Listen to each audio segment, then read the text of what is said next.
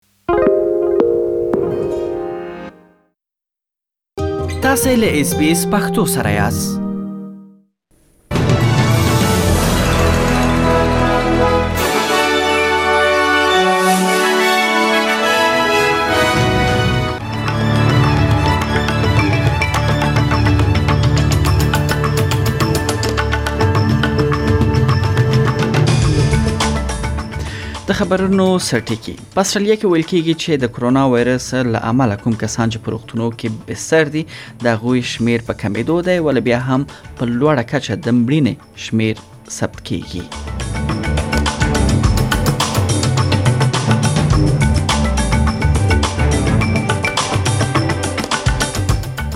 بل خو استرالیا کې لشپارس کلونو څخه ډیر عمر لرونکو کسانو لپاره هم د بوستر شاټونو منظوري ورکړ شو چې اوس دا کسان کولای شي چې دریم ډوز واکسین هم ترلاسه کړي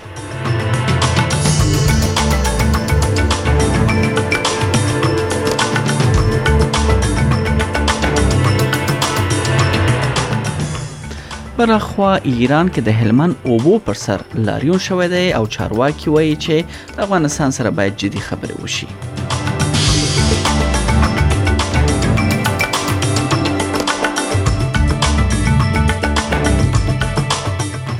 د امریکا او هم روسیې ترمنځ کړکېچ پر خپل ځای دی او امریکا د 8500 پوځیانو تیارسي خبر ورکړی دی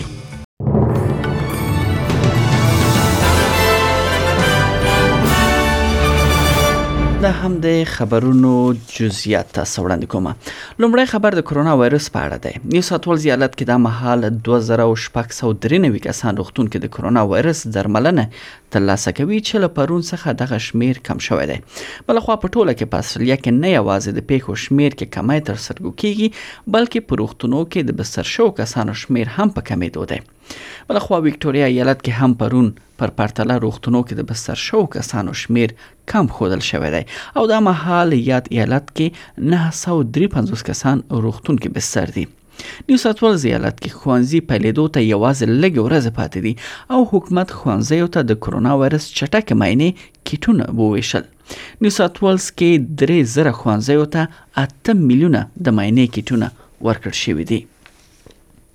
استرالیا کې له 14 کلونو څخه ډیر عمر لرونکي کسان او چې د خونځي ماشومان هم پکې شامل دي اوس وړ دي تر څو د کرونا وایرس واکسین بوستر شارټ ترلاسه کړي بلخوا د کرونا وایرس پیښو کمښت ترڅنګ د مړینې کچه بیا لوړه ده او پرون په ټول استرالیا کې تر ټولو ډیره مړینه ثبت شوه چې نه درې نوي کسانو ته رسیده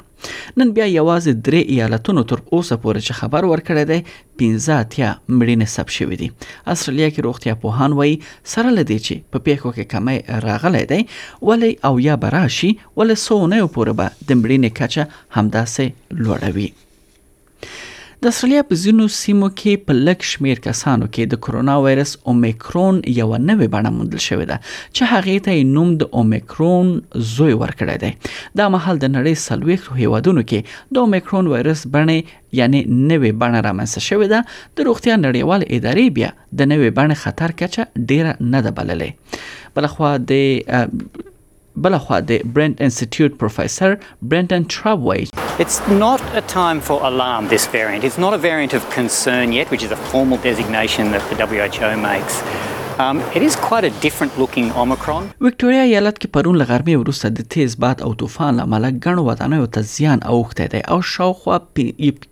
یو زرو 1500 کسانو بیړنیو مرستو لپاره ټلیفونونه کړي دي نن بیا یاد ایالت کې د پاکولو او جوړولو چاره پیل شوې دي پرون تیز باد باران غلې ملبون ښار کې ډیر څه ویجاړ کړل دا مهال له وزرو څخه ډیر کسان چې دي کورونو کې برېښنا نه لري بل خبر له افغانستان څخه دی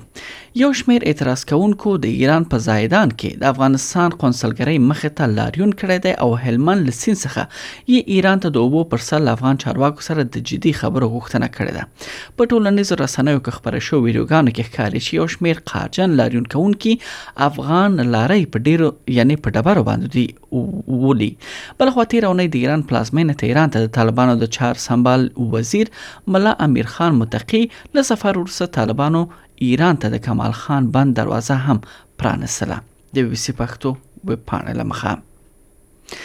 بل خبر د روسیې د بهرنیو چارو وزارت د اطلاعاتو او مطبوعاتو برخې مرستیال الکسی ویلي دي چې په یو اونیز یعنی کنفرانس کې دوی ویلي دي چې دوی چمتو دي تر څو د طالبانو او د دوی د مخالفینو ترمنځ د خبرو کوربتوب وکړي تیر او نه ځینو رسنیو په روسیه کې د طالبانو د جګپوړي اساسو او د مقاومت د جبهې په نامه د ځینو طالب مخالفو مشرانو ترمنځ د لیدنې خبرې رد کړې وې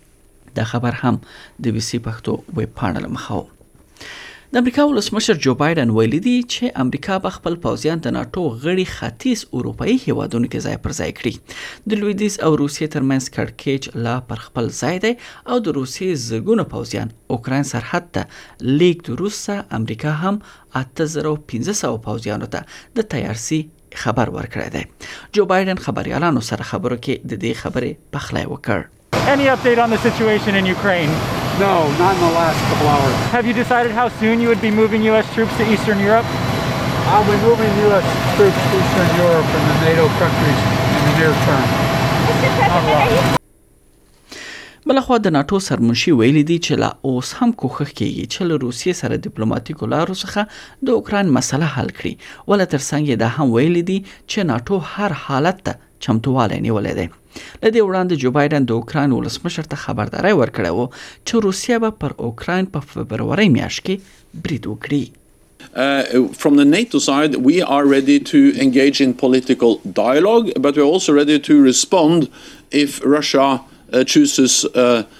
Uh, an armed conflict, uh, confrontation. Uh, so we, we are ready for both options. we are working mm-hmm. hard for the best, peaceful political solution, but we're also prepared for the worst.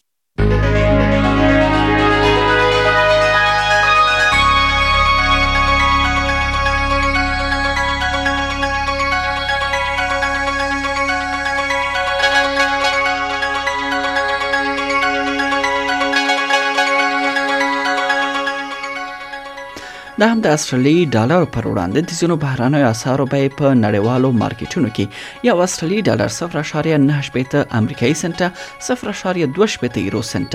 یو استرالیي ډالر 22.10 افغاني روپی یو سل درویش اشاریه دریش په پاکستاني روپی یو استرالیي ډالر 250.3 هندۍ روپی دو اشاریه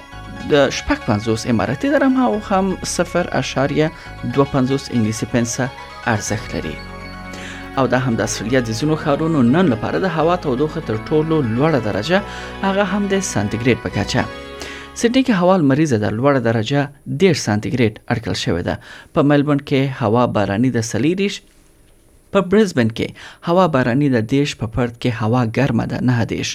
ا په اډلیډ کې هوا لمریزه نه ویش په هوبرټ کې اسمان برګ ده شل په کمبیرا کې هوا باراني ده وویش او په اخر کې ډاروین هلته د باران او د طوفان اټکل دی او د تودوخه تر ټولو لوړه درجه یو ډیر سانتیګریډ اټکل شوې ده